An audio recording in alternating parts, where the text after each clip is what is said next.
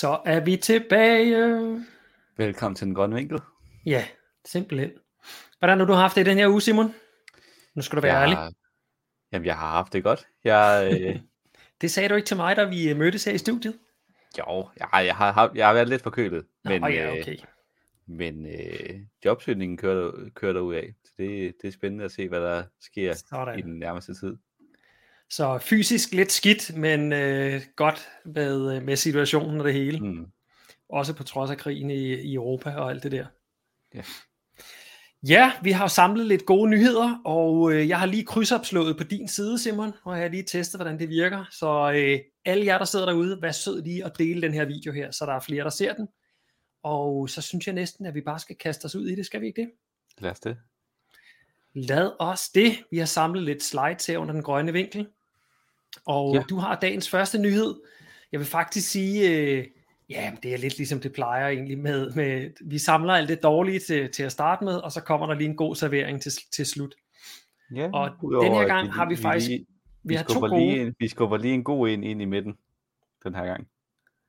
Ja, altså, der er, faktisk, øh, der er faktisk flere gode, end der plejer at være, synes jeg. Så lad os kaste os ud i det.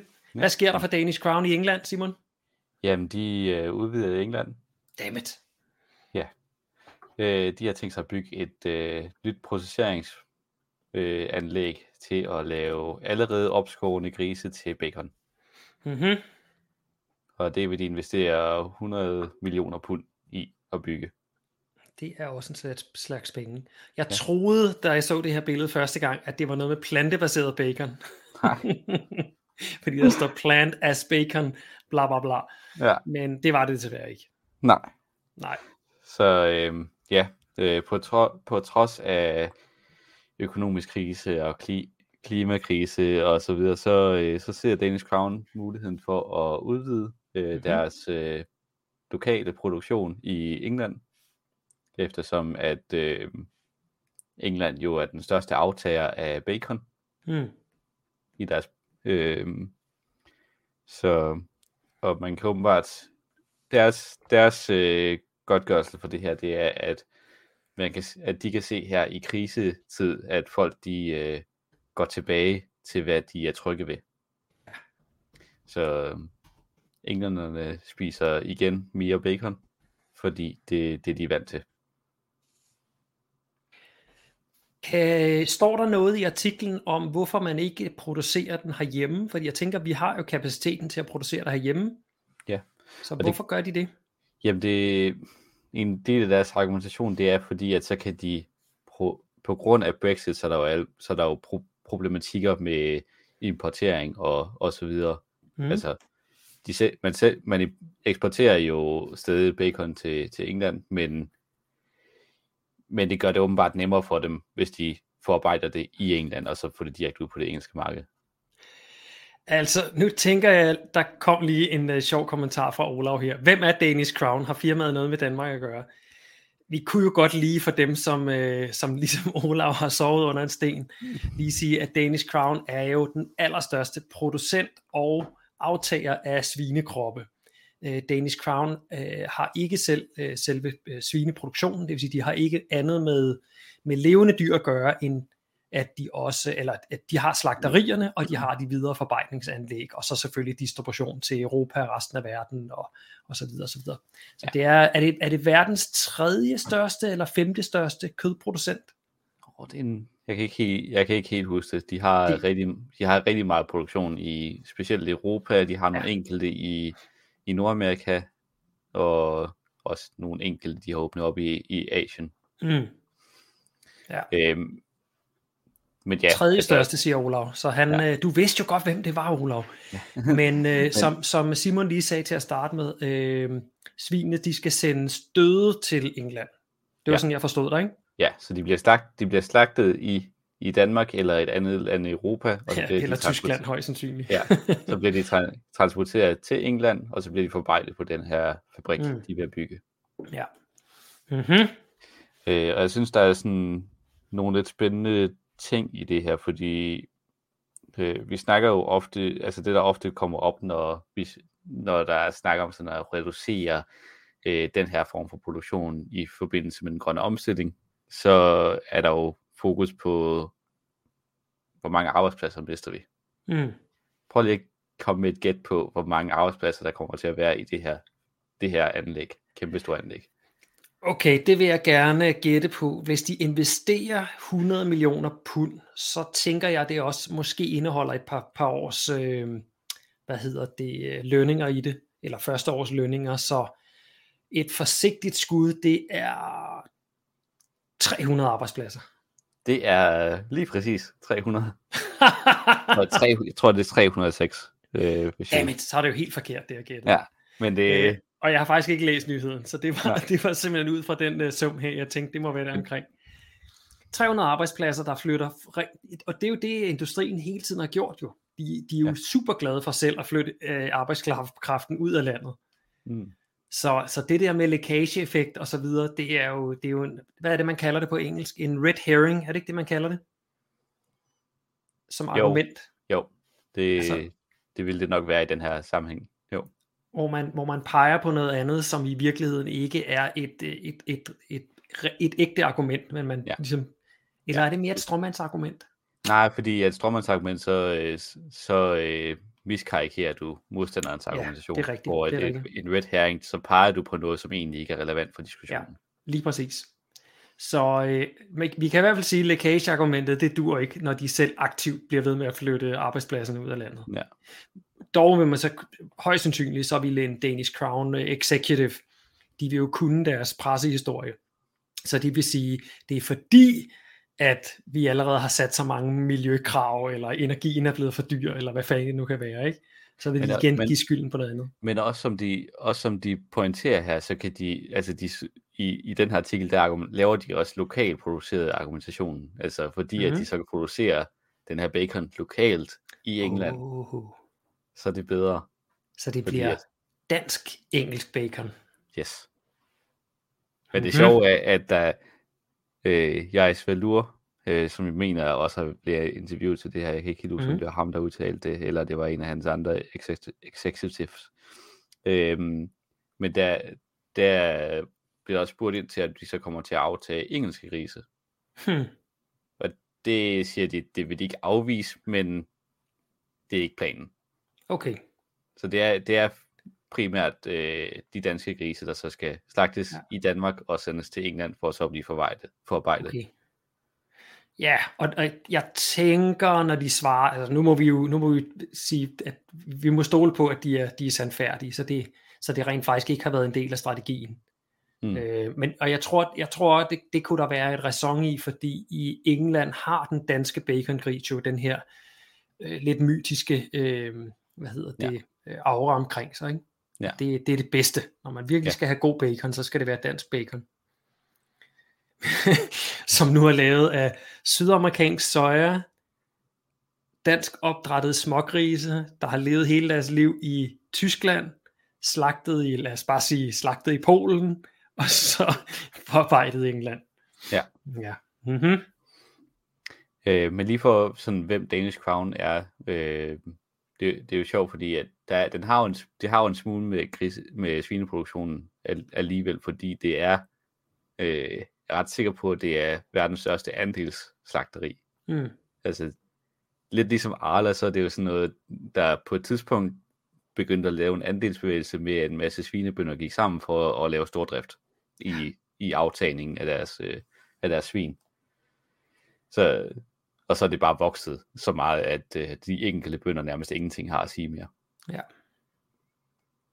Så ja, det dagens så- nyhed up, update for Danish Crown.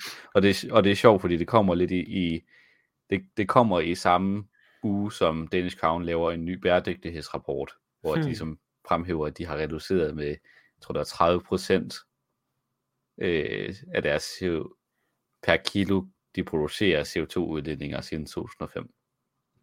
Sådan. Det er flot. Ja, og de nu Ja. er oppe på 20 procent, mener jeg det var, certificeret øh, afskovningsfri soja. Wow. Imponerende. Ja. Hvad så med de sidste 80? Jamen, de, ko- de kommer i løbet af de næste 6 år, mener jeg, det var det. Ja. Hvorfor ikke bare gøre det med det samme? Hvorfor ikke bare sige, vi køber ikke mere af det andet skidt der? Ja. Nå. Og det er jo et, et, en sjov kommentar, ikke? fordi Danish Crown bestiller grise hos svineproducenterne. Det er jo ikke Danish Crown, der selv laver dem. Det er ikke Danish Crown, der dybest set bestemmer, hvad der skal proppes i dem. Men fordi det er det her andelsslagteri, så er det jo svineproducenterne, der ejer Danish Crown som sådan. Så ja. det er sådan en, det er sådan en underlig konstellation, hvor man ikke kan finde ud af, hvem det er, der i virkeligheden er ansvarlig. Er ansvarlig og gør hvad og siger hvad og, og så videre. Mm. Ja. Alright, jamen øh, lad os hoppe videre så. Ja, hvad er du med? Jamen øh, meget apropos øh, grisene, så... Det lyder ikke øh, særlig godt, det, det der overført. Nej, det gør det faktisk Det er en rigtig lortenyhed, for at sige det mildt. Tyske forbrugere øhm, dropper velfærdskrise. Ja, og det er øh, de tyske, den tyske, øhm, øh, den tyske markedsanalytiker hos, det er faktisk, ja man kan sige, han er tysk markedsanalytiker, men han arbejder hos danske svineproducenter. Der var et øh, svineekspertens hotspot-møde i Aalborg hos Agrinor i sidste uge, og øh, der har de simpelthen fundet ud af, at de tyske slagterier, de vil ikke længere tage imod grise med god dyrevelfærd, og det er fordi forbrugerne gider ikke at købe det mere. Øh, så de siger, at med de nuværende inflationsrater er det fuldstændig umuligt at afsætte kød med mere dyrevelfærd.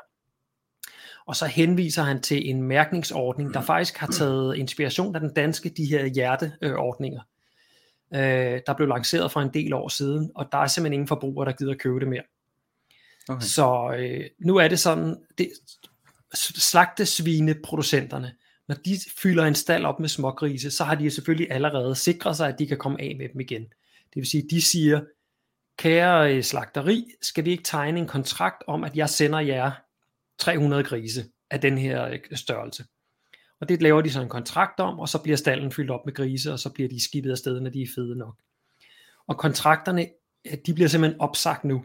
Og det, man laver ikke en kontrakt hver gang, man fylder stallen op, men de har selvfølgelig ja. lavet en om, at vi ja, kan blive ved med at, produ- vi ja, kan blive ved med at producere og sende afsted. Ikke? Ja, der er sådan et notering, noteringssystem, som Lige gør det lidt automatiseret.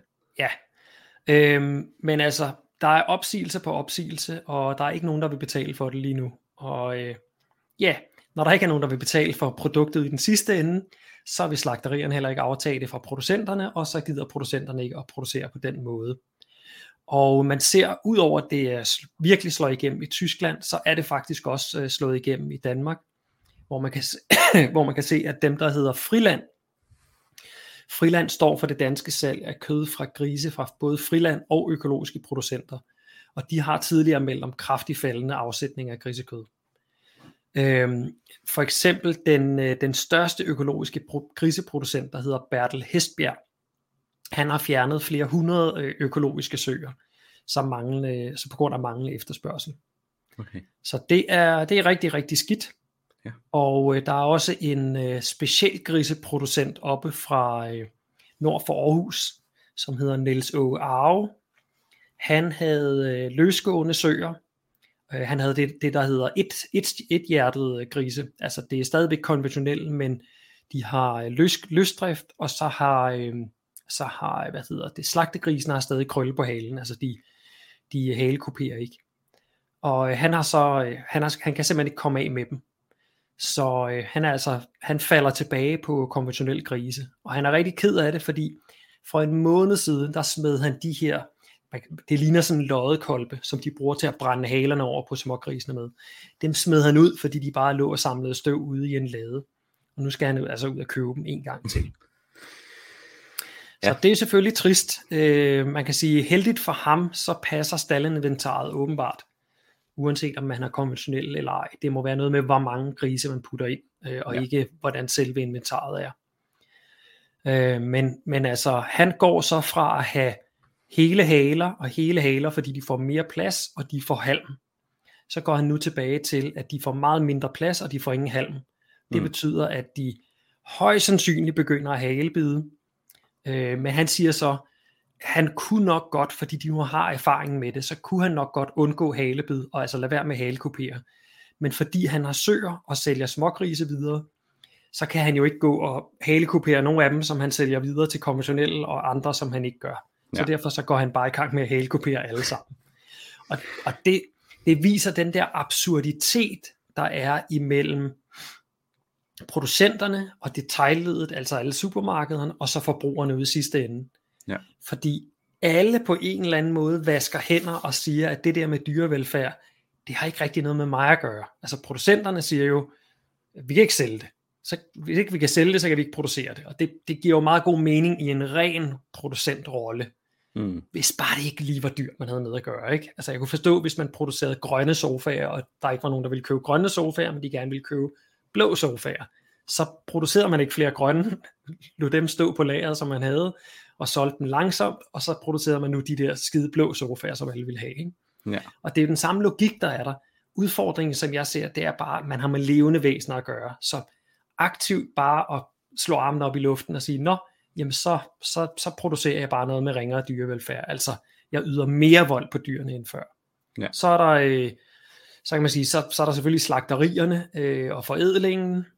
Tja, jeg vil sige, det er mere ude i detaljledet. Altså detaljledet slår sig jo hele tiden op på dyrevelfærd. Hvis du går hen til et, øh, til et supermarked i dag, så mange af dem har jo kæmpe store øh, sådan nogle plancher hængende, eller også har de mindre plakater, ikke? Og der er ikke nogen af dem, der viser en konventionel øh, slagtesvinestal. Det er altid Nej. noget med en lille, nu, lille nuttet gris og noget grønt græs. Så hvis, hvis, hvis, øh, hvis detaljledet rigtig gerne vil slå sig op på den dyrevelfærd her, jamen så må de sgu også holde fast i den. Og så mm. i virkeligheden droppe alt det billige, importerede og, og øh, det, det kød med, øh, med dårlig dyrevelfærd. Ja, lig, ligesom da detailkæden i stor udstrækning sagde nej til buræg, og også mange mm. af dem nu er begyndt at udfase, udfase turbokyllinger. Så Ja, og der, altså, der har jo været mange eksempler. Ikke? Der har jo ja. også været øh, dengang H&M, øh, altså tøjproducenten, der man fandt ud af, at der, det var virkelig slemt med børnearbejde ude i Østen, hvor de fik produceret en stor del af deres også børnetøj. Ikke? Mm. Øh, der kunne forbrugeren skulle godt sige fra, og så, øh, så, så valgte man ikke dem mere, og så, så rettede de ind og producerede så på en lidt dyrere måde. Mm. Øh, efter sine kontrollerer de og sikrer, at der ikke er børnearbejde, i hvert fald i deres øh, producentled derude. Ja. Øhm, så jeg synes godt, man kunne stille krav, men altså, det ærger mig sgu også, at bare det, at man lige mangler lidt penge på, på kontoen, så vælger forbrugeren også dårlig dyrevelfærd. Altså, så det er sådan lidt, så er man, så er man bare styret af, af usel mammon. Det, det ja. synes jeg altså er virkelig ærgerligt. Og, det, og lidt det der fra den anden artikel med, at, at folk de vender tilbage til det, de kender. Så fordi mm. at du ikke rigtig kan tænke ud over, hvad, hvad skal jeg så lave i stedet for, ja. øh, i stedet for gris, jamen, så bliver jeg nødt til at tage det billige, fordi jeg har ikke, nu trykker økonomien. Ja, og ja, det er, det er jo fandme ærgerligt. Hvis man absolut skal spise kød, så spis det med god kvalitet, eller i hvert fald med lidt bedre dyrevelfærd. Også fordi, for det meste er der øh, bedre smag og mere saft og kraft i. Så køb lidt mindre i stedet for. Det vil jeg i hvert fald anbefale.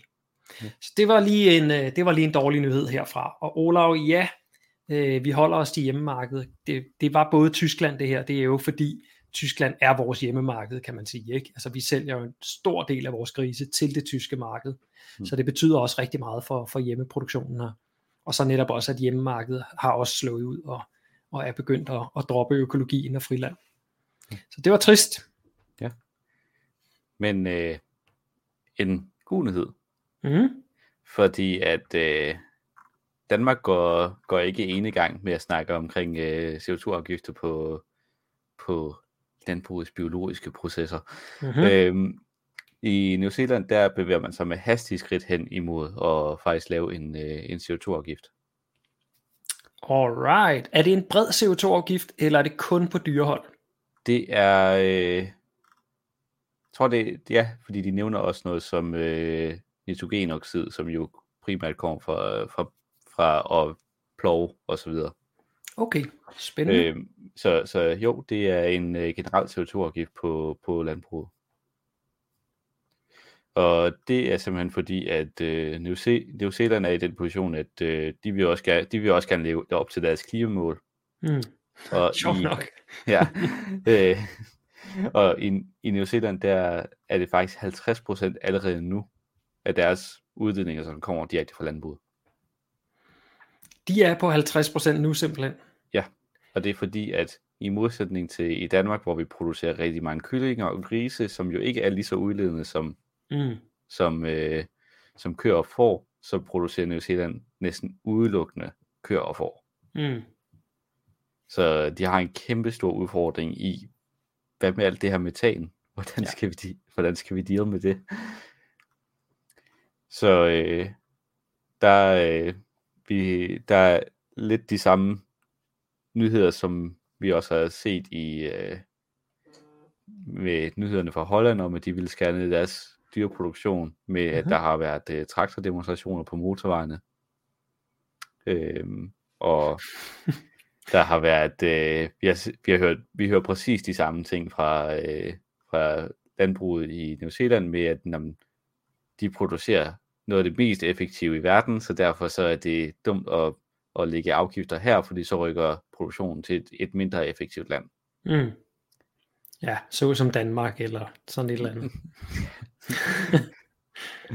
Øhm, og noget, der gør det ekstra spicy i, øh, i New Zealands kontekst, det er, at de har jo faktisk øh, indig- indigenous people, Mm-hmm. øh, og de bliver også øh, brugt i den her kamp, Hvordan det? fordi at de jo også er primært øh, inden for øh, landbrug. Altså der er en rigtig stor del af den stor del af den oprindelige befolkning i, øh, i New Zealand, som beskæftiger sig i landbruget. Okay, altså som, lad mig lige høre, ved du om det er, er de som primærproducenter, eller er de bare som jobtager i landbruget? Primære altså, producenter, så vidt jeg kunne forstå på det. Nå okay, så de har simpelthen øh, en stor del af landbruget. Ja. Okay, Eller i forhold til deres befolkningsstørrelse, Ja, ja. har de ja. en stor del. Så, så de bliver også brugt som, jamen det her, det er, altså man spiller virkelig ud på, på, mm. på, på de stærke følelser med, at det her, det er et direkte angreb mod øh, de indfødte. Ja. Eller den oprindelige befolkning. mm. Men øh, skal se her. De, de, øh, den her, det her udspil, det skal så, øh, der skal stemmes omkring det allerede her i øh, 2023, og de regner med, at hvis det går, hvis det går igennem, så øh, vil selve skattesystemet være tage effekt i 2025. okay. Det er alligevel, øh, det er alligevel om relativt kort tid. Ja. Mm-hmm. Og som, øh, som øh, klima, deres klimaminister siger at til, til nogle af deres krit- kritikere, som der har ligesom kørt på den her, ingen andre gør det her, så hvorfor skal Mm. vi? Hvor til han siger, at jamen, nogen skal jo gå først.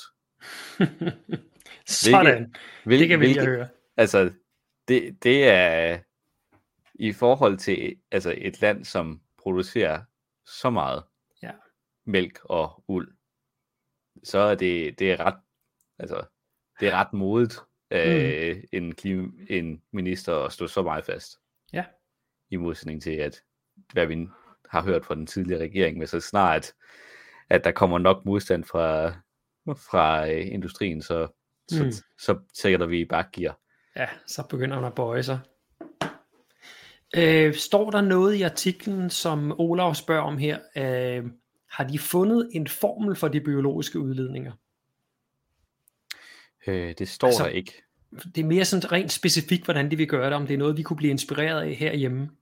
Det står der ikke, men jeg tænker, det er også en del af det, der er, ligger i øh, at have de her to år, før det begynder at tage effekt, Mm. mm. med at model, modellerne også skal laves. Ja. Ja.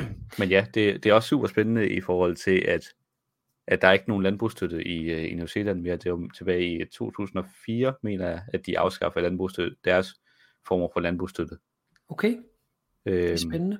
hvilket var et, et kæmpe stort skift i, hvordan i, i landbrugssektoren i New Zealand på det tidspunkt. Så de, Mhm. mm-hmm. de har noget his, historie for at være, være, lidt mere, mo- være lidt mere modige på, Ja. øh, på omstilling i landbruget, end, end vi er her. Det er meget fedt. Altså det, øh, det synes jeg, vi skal prøve at læse op på og finde ud af, hvordan, hvordan de gør det, så vi, øh, så vi kan trække på noget til, til lidt alternativ politik, eventuelt. Ja. Ja. Så- Mm-hmm. Det var en god nyhed. Det må man sige. Det må man At sige. der, der er nogle andre, som også øh, kommer med på den her vogn nu. Ja, ja, ja. Det er sgu meget fedt. Godt at have nogen at kigge til. Mm. Ja, jeg har en EU-nyhed, og den er faktisk også øh, udmærket. Øh, det har været sådan, at når man gerne vil sætte solceller eller vindmøller eller andet øh, vedvarende energi op, så har det været rigtig, rigtig svært at få lov til det. Det har, øh, hvad var det, jeg hørte, noget med et, øh, et vindmølleprojekt, der havde taget, var det 3, 4 eller 5 år, øh, og hvis nok blev, øh, fik afslag. Så det kan altså det kan tage rigtig, rigtig, rigtig lang tid. Men EU har nu øh, er blevet enige om, at de vil lave en øh, en proces for at give tilladelser, hvor det altså kan tage helt ned til tre måneder at få en, øh, en tilladelse, hvis det er øh, solenergi. Mm. Øhm, og de har så en grænse, der hedder 50 kW, og det er altså ikke særlig store anlæg, 50 kW. Øh, sådan et typisk øhm, øh, hvad hedder det, hjemmeanlæg, man har oppe på taget, det ligger mellem 3 til 6 kW.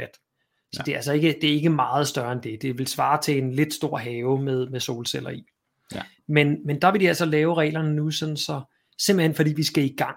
Øh, det, det bliver midlertidige regler, men øh, enten hvis man skal altså installere nyt, hvis man skal opgradere, eller hvis man vil øh, de, deploye øh, øh, hvad hedder det, varmepumper, så, øh, så, så har man simpelthen nu blevet enige om, at den, den overordnede offentlige interesse i, at man kommer videre med det her, den må stå over de lokale interesser.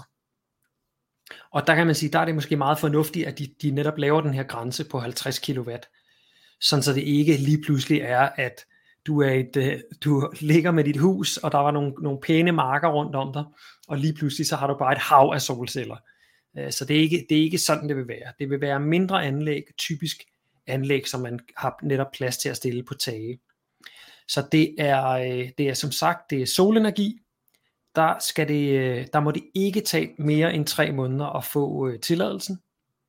Så er der, hvis man øh, har en eller anden form for kraftværk, som bruger fornybar energi, øh, så må det ikke tage mere end 6 måneder. Og hvis man ikke øger kapaciteten mere end 15%, så, må det, så skal det igen ikke tage mere end 3 måneder. Okay. Og så øh, når det gælder varmepumper, varmepumper ganske kort.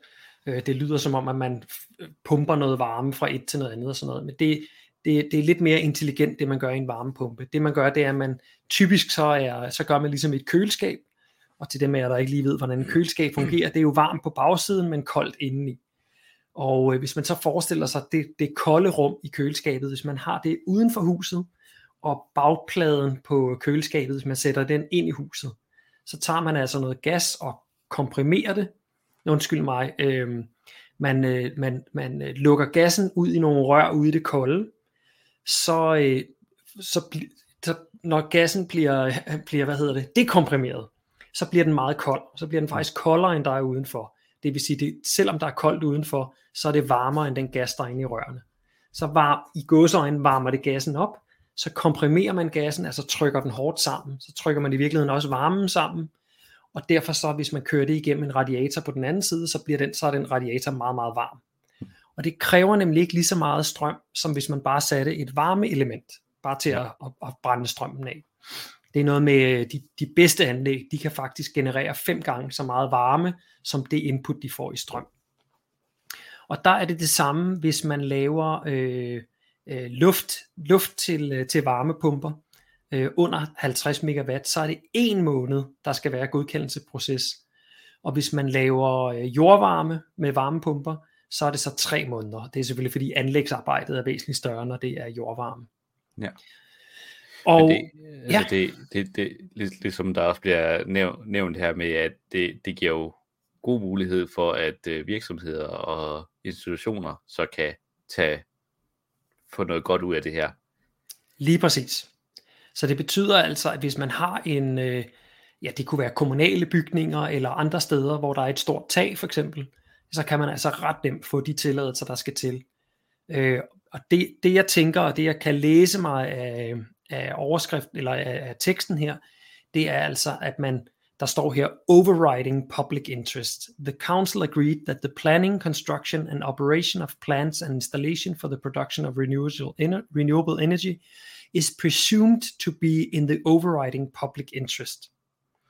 Så man går, virkelig, man går i virkeligheden ind og siger, vi får alle sammen rigtig meget ud af det, og derfor så må det stå højere end de lokale interesser. Altså hvis nogen brokkede sig over, at nu skulle jeg kigge på en, en solcelle, eller øh, høre på en varmepumpe, eller noget i den stil. Det, øh, det kan vi, vi, vi kan simpelthen ikke lade hele den grønne øh, omstilling vente på, at man har været ude i høringer og øh, lokalforeningsmøder og alt det her. Okay. Mm-hmm. Ja.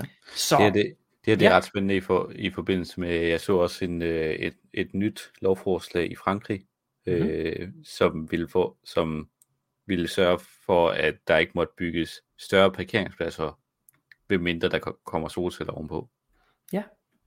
det er også en god øh, måde at gøre det på. Ja, hvilket jeg tror, jeg mener, det, rej- de regnede frem til, at det kunne potentielt give op til 26 gigawatt, hvilket svarer til 12 af deres atomreaktorer. Wow, det er nice. Der er lige uh, lidt med småt her, og det er, at uh, medlemslandene, de må faktisk godt gøre deadlinesene kortere, det vil sige de her uh, tre Mm. måneder og en måneds krav, dem må medlemslandene faktisk godt skrue ned for at gøre endnu mindre. Okay. Øh, det er midlertidig lovgivning, det vil sige, det holder i 18 måneder. Og så, så mangler jeg noget viden om EU, og det kan være, der er en af jer, der lige kan skrive det i kommentarerne. Når man laver sådan en, øh, sådan en, øh, øh, en artikel, tror jeg det hedder, øh, jeg tror, de har sådan nogle artikelnumre, de her, øh, er det så lovpligtigt for alle lande at følge det? Skal man rent faktisk igennem hele lovgivningsprocessen i det lokale land, det vil sige ratificere det på en eller anden måde, øh, eller må man bare vælge det fra, eller, eller hvordan hulen fungerer det her. Der, der ved jeg simpelthen ikke nok om det, og, og jeg kan ikke læse det i artiklen, så der er simpelthen ja. noget, noget grund EU-viden, jeg mangler, kan jeg se. Så Ja. hvis der er nogen af jer, der ved noget om, om det, så, øh, så må I meget gerne sige til, og jeg kan lige sende artiklen her som et link, så I lige kan gå ind og læse noget om den ellers. Bum. Ja, Meget, meget spændende. Øh, mm-hmm. men, jeg- men hvis det kun er 18 måneder, det gælder, og at det så er tilfældet, at, der er, at landene så skal på en eller anden måde sådan gribe den her lovgivning, før den er gældende, så når den jo op udløbe, inden at de har gjort det. Ja, så jeg, jeg tænker, det må være det må være noget lovgivning, der bare gælder med det samme for alle. Ja. Altså, de skal leve op til, at, at godkendelsesprocessen skal være kortere, end, end hvad den er i dag. Og altså Det ned til de her. Kan det ikke måske være, fordi at der er noget EU-godkendelse også af sådan nogle projekter? Så det Jo. ikke nødvendigvis er noget, der rører godkendelsesprocesserne i de enkelte lande. Hmm. Det er ikke nu tænk, tænker jeg bare over, hvordan det Ja, måske ja. kunne hænge sammen, for jeg er heller ikke nok inde i EU-lovgivning til det. Til det. Ved du, hvad jeg gør? Jeg sender den til vores øh, EU-ekspert i Alternativet, ham der hedder Jan Christoffersen. Ja. ja. Så hører jeg ham lige en gang, hvad, øh, hvordan det fungerer. Så kan jeg eventuelt lige følge op på det i næste uge. Øhm, en, en ting, der kommer spørgsmål til, det er omkring, hvordan øh, til den artikel, jeg, hen, jeg snakkede omkring med New Zealand her før, Mm-hmm. hvor at øh, de også, øh, de afgifter, der kommer fra den her CO2-afgift, den kommer, de kommer tilbage til, til landbruget i forbindelse Mm. med at skulle forske i, hvordan man så gør, gør om, altså på, på en teknologisk måde, hvordan man omstiller. Så i, der, der bliver der også pointeret det her med, at det er i modsætning til rigtig mange andre institutioner, så, som EU med søjle 2 af landbruget, landbrugsstøtten, som kan bruges til grønne initiativer, så er det kun gulerod, øh, hvor det her, det, der er noget både pisk og gulerod i det. Okay. Hvilket også er det, man snakker om herhjemme, at det nok bliver noget i den stil, vi kommer til at ende med. Ja. Mm-hmm. Interessant. Jamen, hop du videre. Ja. Så er der en... Øh... Vi har snakket rigtig meget om Power to X, og det har vi Mhm. også gjort en del gange her på den grønne vinkel. Og der er et, økono- et økonomisk problem i, at det er rigtig svært med noget, der er så øh, industritungt og ja. infrastruktur, infrastruktur øh, krævende, at hvordan, hvordan balancerer vi øh, opskaleringen af den, af den her produktion. Så nu er man ude og sige, at sådan, medmindre der er relativt vel øh, organiseret centrale øh, planning af, af, det, af, hvordan vi skal opskalere vores produktion af brint, og hvordan vi skal transportere det rundt til alle de steder, der skal bruge det, så ser det ud til, at vi lige nu er i en økonomisk boble på, inden for det her marked. Altså tænk som, at der er noget af det, der udvikler sig hurtigere end en anden del af det. Ja, altså sådan nogle okay. anlæg, som man, man, er i gang med, man er i gang med at lave et øh, stort øh, øh, elektrolyseanlæg i Esbjerg, som skal producere mm-hmm. en hulens masse brint. Men, og det regner de med at stå færdigt i 2026. Men der er altså ikke et eneste rør i, i jorden endnu, som kan, kan aftage den her brint. Og der er heller ikke okay. påbegyndt nedlægningen af sådan et rør. Interessant. Som, som bare et eksempel. Så, så der, der kommer til at være en eller anden øh, clinch med, om vi kan formå at ja, balancere den her kæmpe store skalering, man gerne vil af Power to X, mm. samtidig med, hvordan får, hvordan får vi udbygget en ja, nærmest en europæisk øh, infrastruktur af, af brinttransport. Det er interessant. Jeg hørte faktisk i radioen i dag, tror jeg det var.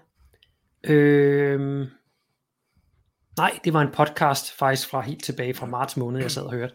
Øh, og der blev snakket om netop Power to X, og hvor genialt brint var, fordi der har vi jo hele infrastrukturen på plads. Vi har jo gasrør alle vegne, og brint er jo en gasart, så det kan man bare putte deri.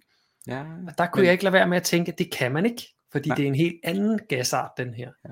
Og det, og, og det er det der med, vi har snakket om før med, at, øh, at brint er den mindste, altså den øh, øverste gasart, vi, vi ligesom kan få energi ud af ja. i, øh, i det periodiske system, hvilket betyder, at den kan også sive igennem alle meget lettere igennem, hvad end vi putter ind for at holde den inde i det her rør.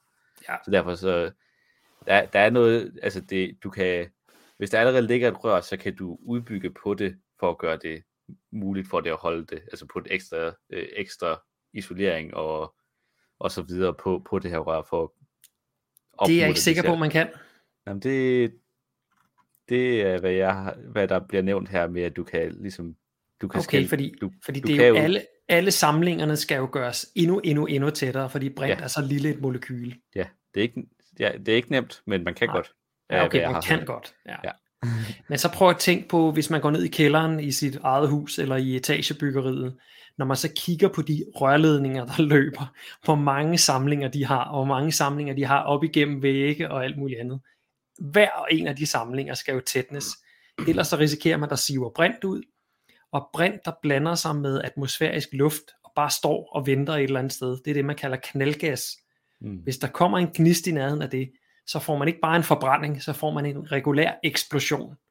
Så, så altså, det der med, at, at, at tingene kan bygges om og så videre, så videre, det vil jo gælde for store rørledninger, altså øh, sådan nogle rørledninger, man har gravet ned i jorden og sådan noget. Der vil man nok kunne løbe dem efter og så tætne dem ekstra. Ikke? Mm. Men ude i husene kan man jo ikke gøre det. Der vil jo der vil, der vil sgu helt ny øh, infrastruktur til, helt ud til slutkunden. Ja, og det er også en, en af de ting, som de også nævner i det her med, at vi skal, at lige nu så i rigtig mange, specielt europæiske lande, så er der rigtig meget fokus på Power to X, og fordi at der er rigtig meget fokus på det, så er der også større investering i det. Øhm, og der henviser det så til, at det kan ende med at skade øh, den grønne omstilling, fordi at vi kommer til at fokusere for meget på Power to X, i stedet for direkte ele- elektrificering. Mm. Så i stedet for, at vi øh, elektrificerer sukkerfabrikker på Lolland Falster, så fokuserer vi bare på, når vi skal bare producere nok brint til, at vi kan fodre det med gas i stedet for. Eller stålværker ja. i Tyskland, eller så videre. Martin Kjær vil spørge, brint skal vel produceres lokalt? Så, så er der ikke noget problem med distributionen jo. Ja. Mm. Men det er jo så, altså, så, så, så, så fungerer det ikke med energiøerne. Mm. Fordi det er jo blandt andet der, hvor man regner med at skulle producere en hulsmasse af det her brint. Ja, men det man kunne med energiøen, det er jo, så kunne man sende strømmen ind lokalt, og så producere ja. der. Ja. Altså som at i virkeligheden havde øh, distributionen, det var elnettet, og produktionen, eller man sige, brint er jo bare et lagringsmedie. Ja. Det er, at man konverterer elektrisk energi, som man ikke kan gemme på nogen som helst måde, den konverterer man til et medie, som man kan gemme energien i. Mm. Øh, der er brint er relativt nemt at producere fra strøm. Desværre så, det, så har det det her problem med, at det er svært at gemme på, fordi molekylerne er så små, så de slipper simpelthen fra os. Øhm, men, men ja, Martin, da, det kunne godt være, at man, at man netop laver en, en, en strøminfrastruktur til lokal brintproduktion rundt omkring. Ja. Øh, så, så kunne man måske undgå noget af problematikken her. Ja, og det er jo mm-hmm. det, der, det, er det, der er så svært, fordi også når vi vil gerne have europæisk, et Europa, som skal være tættere, forbu- tættere forbundet med at kunne transportere strøm alle vegne, mm. så skal vi jo så også kunne transportere den strøm hen til, til der, hvor vi så vil producere den her brint. Mm.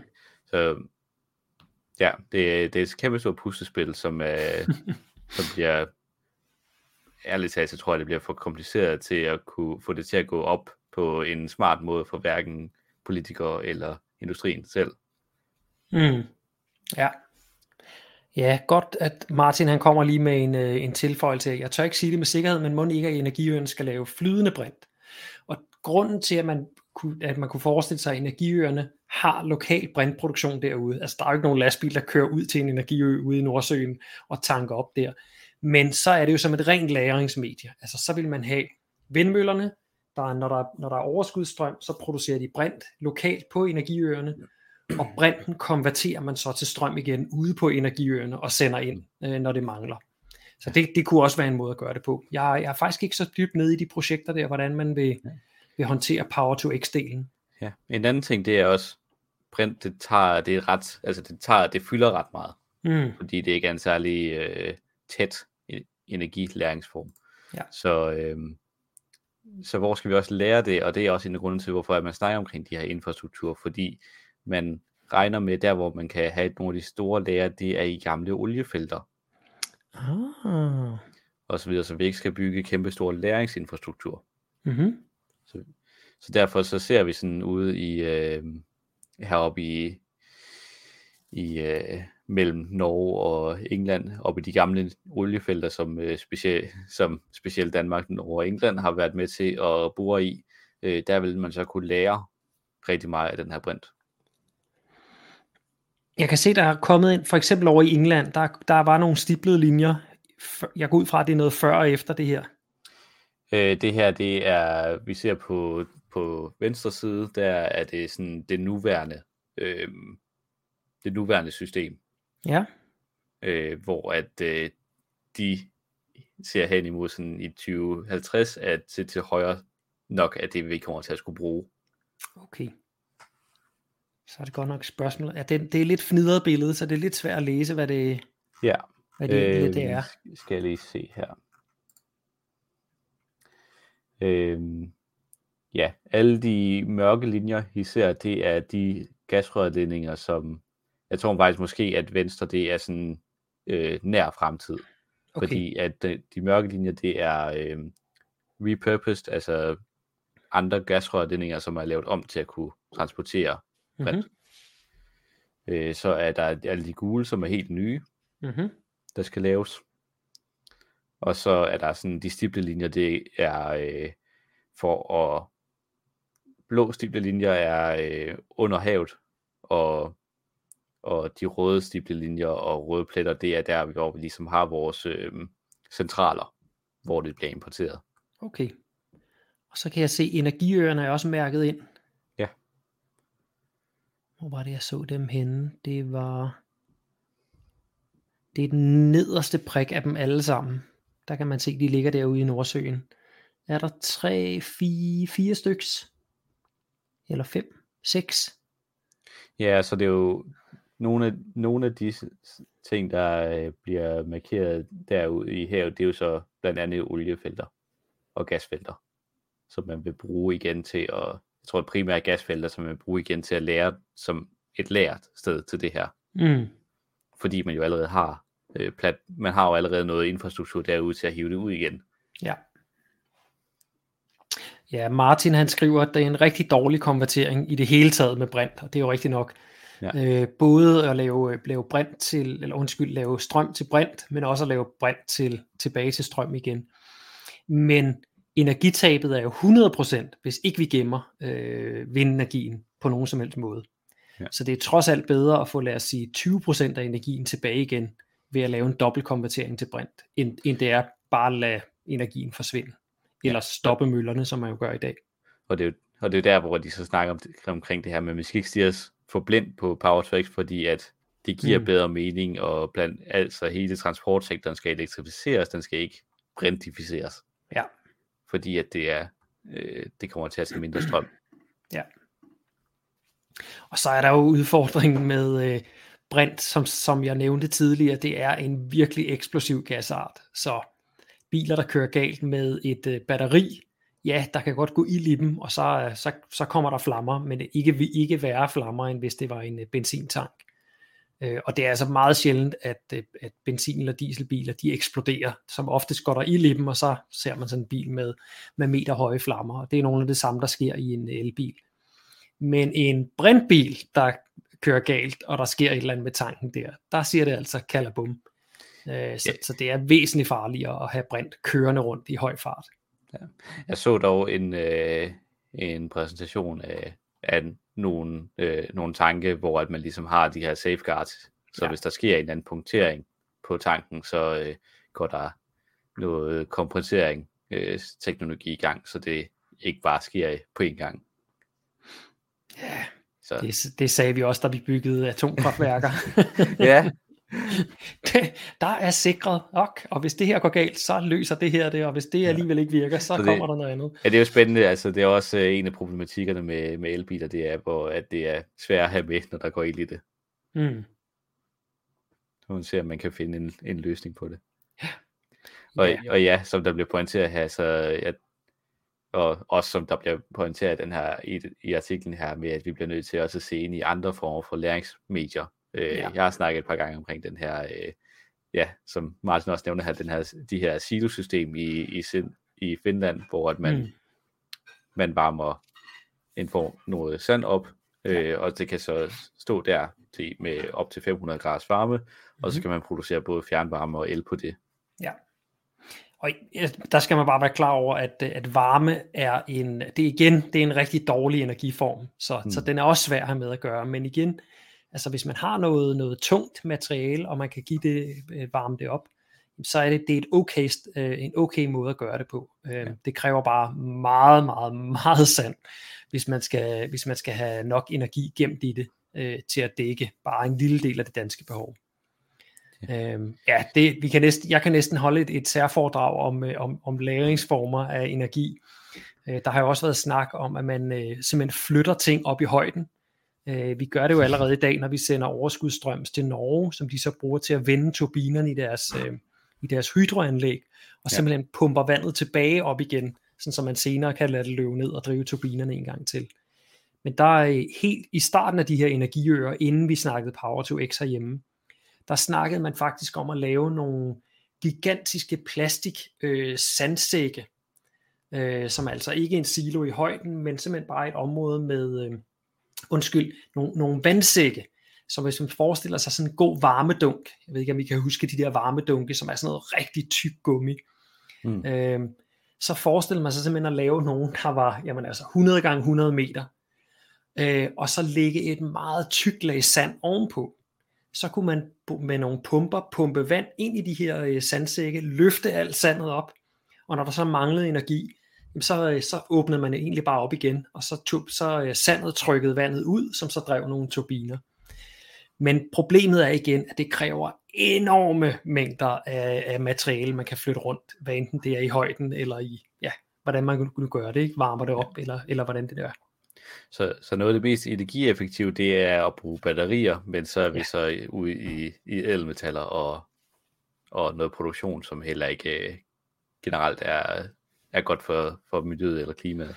Så det, det er det. Det, det, det, det, der, det er det, der altid er, er værd at have med. Der er ikke nogen metoder for grøn omstilling, som ikke på en eller anden måde har en, en negativ side. Mm. Der er heller, altså, langt de fleste af, af mulighederne er meget mere positive, end hvad status quo er for, hvad vi gør i dag. Ja. Men, men der er ikke en perfekt løsning. Nej, og, og, og udfordringen er at nå dertil. Der mangler vi lige lidt teknologi hele tiden, og så, øh, så implementeringen af det. Altså man skal huske på, vi har jo bygget kulkraftværker og gas- og oliekraftværker og sådan noget i løbet af de sidste ja, faktisk 100 år. Øh, så det, at vi nu står over for en klimakrise, som vi gerne skal have løst inden for tre år, altså det er bare, at vi skal bygge hele den verden, vi kender, den skal vi bare bygge om på tre år. Og det, ja.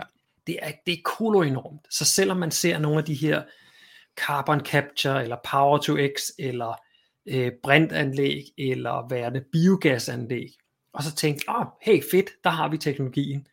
Ja, vi skal bare bygge måske 100.000 af de her anlæg inden for de næste par år, og, og det, det er nærmest en, en umulig øh, måde at gøre det på. Og hvis man undrer sig over, hvorfor lige præcis tre år, så er det fordi, at i 20, den sidste IPCC-rapport, den, øh, hvis vi skulle være bare 83% sikre for at være under 1,5, så skulle vi øh, inden for 6 år stoppe med at udlede CO2. Ja. Eller i hvert fald, hvis, det, hvis vi nu udledte, hvad vi gjorde der hvert eneste år i 6 år, så er vi mm. nået vores budget, hele CO2-budgettet, vi havde. så skulle vi altså stoppe derefter. Altså, så, Nul. Nul fremover. Øhm, så, hvilket, ja. er derfor, hvilket er derfor, alle, alle institutioner nu siger, at 1,5-målet er ikke achievable, fordi mm. der er ikke noget, der ser ud til, at vi, vi på nogen måde når så en markant omstilling af, hvordan vi lever. Ja, og så stiger vandstanden, og så er vi bare sunket i havet om 100 år. Sådan er det. Nå, øhm, Ja, det var, øh, der var en del sidespor. Ja, det må man sige. Øh, det var jo egentlig, hvad vi havde for i dag. Altså, der er jo nogle gode ting ved alt det her. Altså, jeg, jeg vil faktisk lige sige, hvis vi lige skal runde den her med energi og lagring og alt muligt andet af. Hele issueet, det er jo, at vi bliver ved med at have en præmis, der hedder, at vi skal bruge lige så meget, eller måske endda mere energi. Hvis nu vi turde snakke om, at vi skulle bruge mindre energi fremover, øh, så ville det jo være, for det første, så ville vi skulle lave en meget mindre omstilling, og for det andet, så kunne vi allerede nu begynde at skrue ned for vores, øh, vores fossile energiforbrug. Så lad os nu komme i gang med at skrue ned for energiforbruget, og ikke bare holde fast i det. Og det kræver altså, at øh, ja, noget teknologi, og noget med noget transport, og noget dit og datten, men også at vi som forbrugere, punkt 1, forbruger mindre, og punkt 2, øh, forbruger så, så i hvert fald forbruger mere af de varer, som ikke udleder så meget. Ja. Og der har jeg da et par eksempler på, hvad det kunne være. Det, det var jo en, det var jo for nogle episoder siden, der snakkede vi om det her paradoks med, at hver eneste gang vi energieffektiviserer, så forbruger vi endnu mere, end vi, vi har effektiviseret for. Ja, der er til, til, til lytterne, der er interesseret i, øh, hvorfor vi aldrig nogensinde kan, øh, kan nå den grønne omstilling, så linker jeg lige til en lille Wikipedia-artikel, som jeg har nævnt et par gange. Og det hedder Jevons Paradox.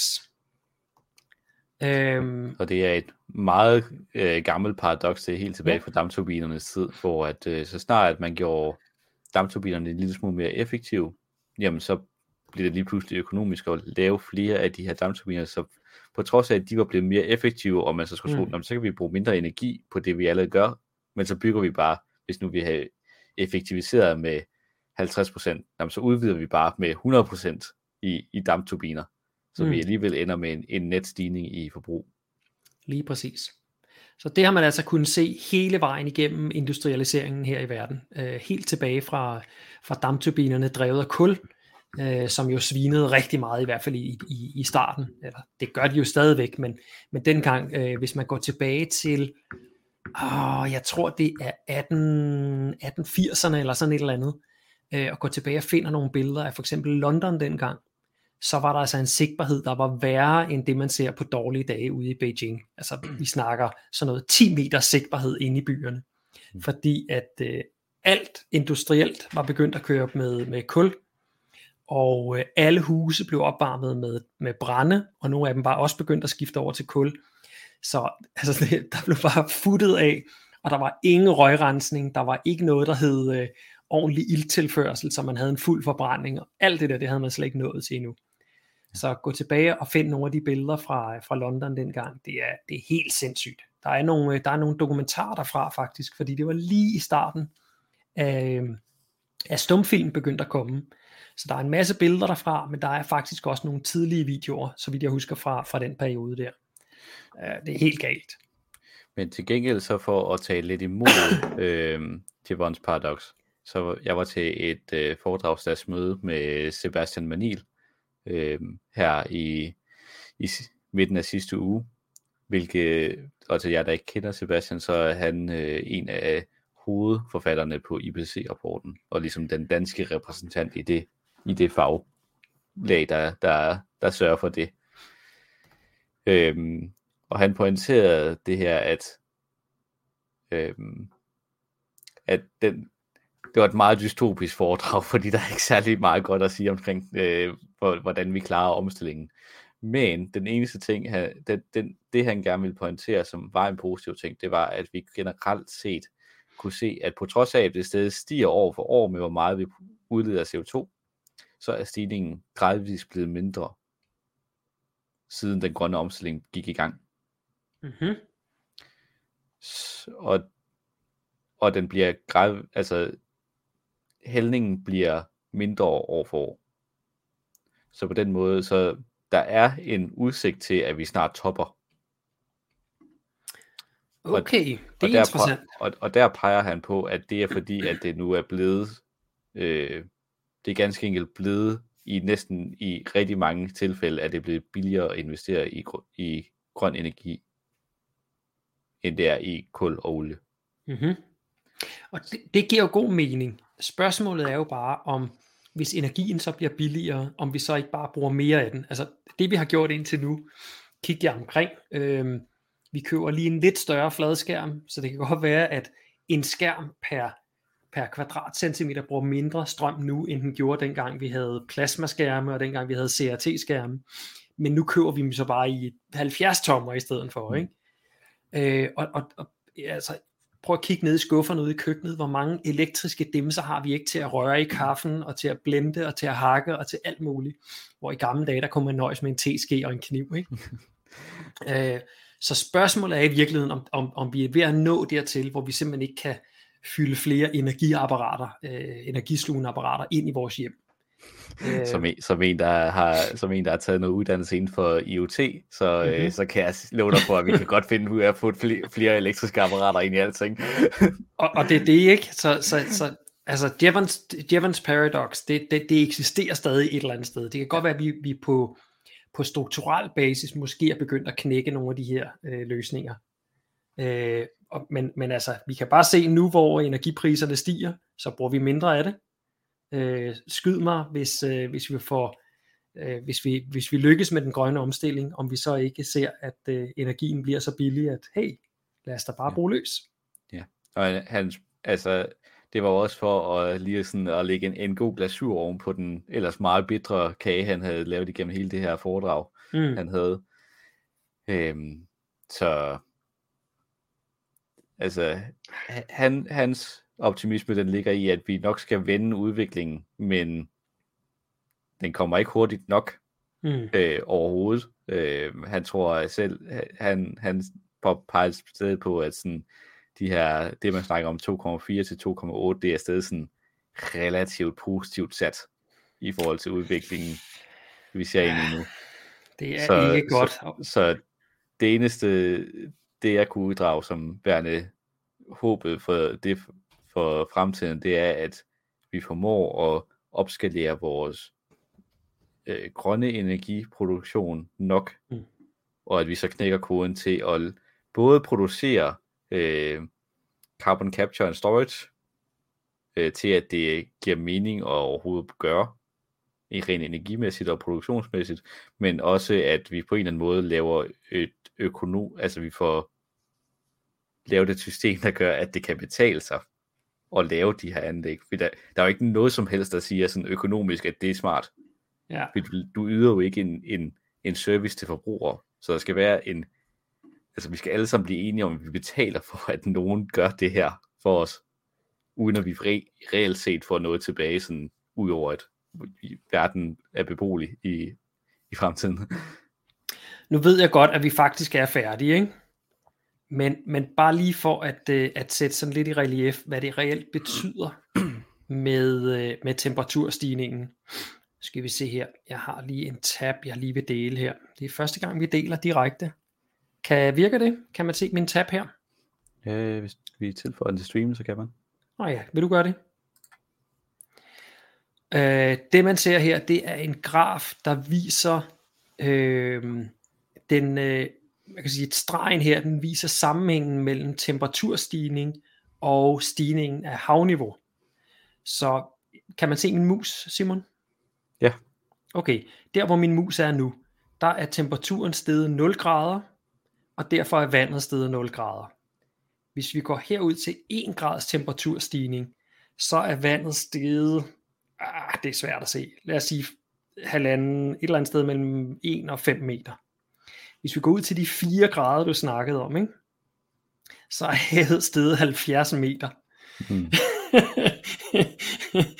så ja. der, der, er det altså ikke, der er det ikke udfordringen, om vi skal begynde at dyrke vin i Danmark eller et eller andet. Det er vidderligt, om, om der er et Danmark tilbage. Jeg mener med 70 graders øh, vandstigning, så er det... 70 meter. Ja, det er, det, jeg, jeg tror, det er to tredjedel af Danmark, der er væk til den det, tid. Det, det skal nok passe, at det højeste punkt i Danmark er 153 meter over havets overflade. Lige præcis, lige præcis. Uh, ja, hvis, uh, hvis vi mister sådan de store, de store dele af, hvis Antarktis begynder at kollapse, så var det vist 53 meters global vandstigning, vi så ind i. Ja. Så man kan se af den her graf her, at man estimerer 1 grad, det er ikke så slemt. altså, det, der er mange sommerhus, der ryger i havet, ikke? og der er en del uh, sydhavsøer, der forsvinder. Men altså, menneskeheden skal nok klare den. Men altså, nærmer vi os de der 2,5 grader der, så er vi altså så er vi over 25 meter, ikke? Så er der altså, altså en, og, en stor del af verden, der er væk til den tid. Og det, der bliver super skræmmende, det er, det er alle de her tipping points, som, som man snakker om, øhm, og ja. som han også, som Sebastian også fremhævede i, i, til, i sit foredrag, med at sådan noget som indlandsisen på, øh, både på Grønland og i Arktisk, mm. Problemet er, når det først begynder at smelte, så begynder det at smelte hurtigere og hurtigere. Ikke bare fordi temperaturen stiger, men fordi at når det øv- de øvre lag begynder at smelte, så stiger, altså det er det der med, jo, jo højere du kommer, jo koldere bliver det. Ja. Og fordi at gletsjerne i gennem så mange tusind år har bygget sig op, så de er ekstremt høje. Mm. Så når først smeltningen den begynder, så er det utrolig svært at stoppe den igen. Ja. Ja, Martin han siger her, at vi skal bare bruge brinten til at sende vand ud i rummet. der har jeg faktisk en rigtig god idé her. Vi skal bruge brinten til at lave fusionsenergi, så vi laver helium. Fordi hvis vi lukker helium ud i luften, for det første, mig bekendt er helium ikke en drivhusgas, og nummer to er faktisk, at helium er så let, så det ryger ud i den yderste del af atmosfæren, og så bliver det faktisk blæst væk af solvinden. Ja. Så hvis vi, la- hvis vi fusionerer brinten til helium, og lukker den ud i atmosfæren, så blæser den bare væk fra jorden. Så det gør vi bare med alt havvandet. Tada! ja, super. Problem solved. Ja. Teknologien redder os i sidste ende. Lige præcis. Og så skal vi bare af med de der gamle sure mænd som Olav, som siger, det går ikke, vi har brug for alt vandet. Øh, ja, ja, men altså, så, ja. så må vi, det, det finder vi ud af til den tid. Men vi vil også gerne kolonisere Mars, ja. så der, og der skal vi også bruge vand, så det er super smart. vi skal bare føre det derover. ja. Nå, nu er vi gået i øh, fjolle-mode og 5 minutter ja. over tid. Så lad os gå den her. Lad os det. Øh, det. Det kunne ellers være sjovt at lave en, øh, en crazy brainstorm på, hvordan vi bare løser alle problemer med et trylleslag. Ja. Tusind tak til alle jer, der kiggede med. Øhm, det var ikke hele sandheden, det var allerhøjst tæt på. Nej, det, det, dammit, det, det gad jeg godt at få lov til at sige en dag. Men tak for nu i hvert fald. Det var en fornøjelse. Husk at dele videoen, sådan så at jeres øh, nærmeste også kan, kan lære lidt om, øh, hvordan vi kan løse problemerne ved at sende brint ud i rummet. Ja. Yes. Ja, vand ud i rummet. Ja, vand og brint og helt... Ja, det hele. Øh, atomaffald, det er helt lortet. Vi smider det bare ud i rummet. Væk ja. med det. Ja, klar. Hej hej. nu. Vi ses.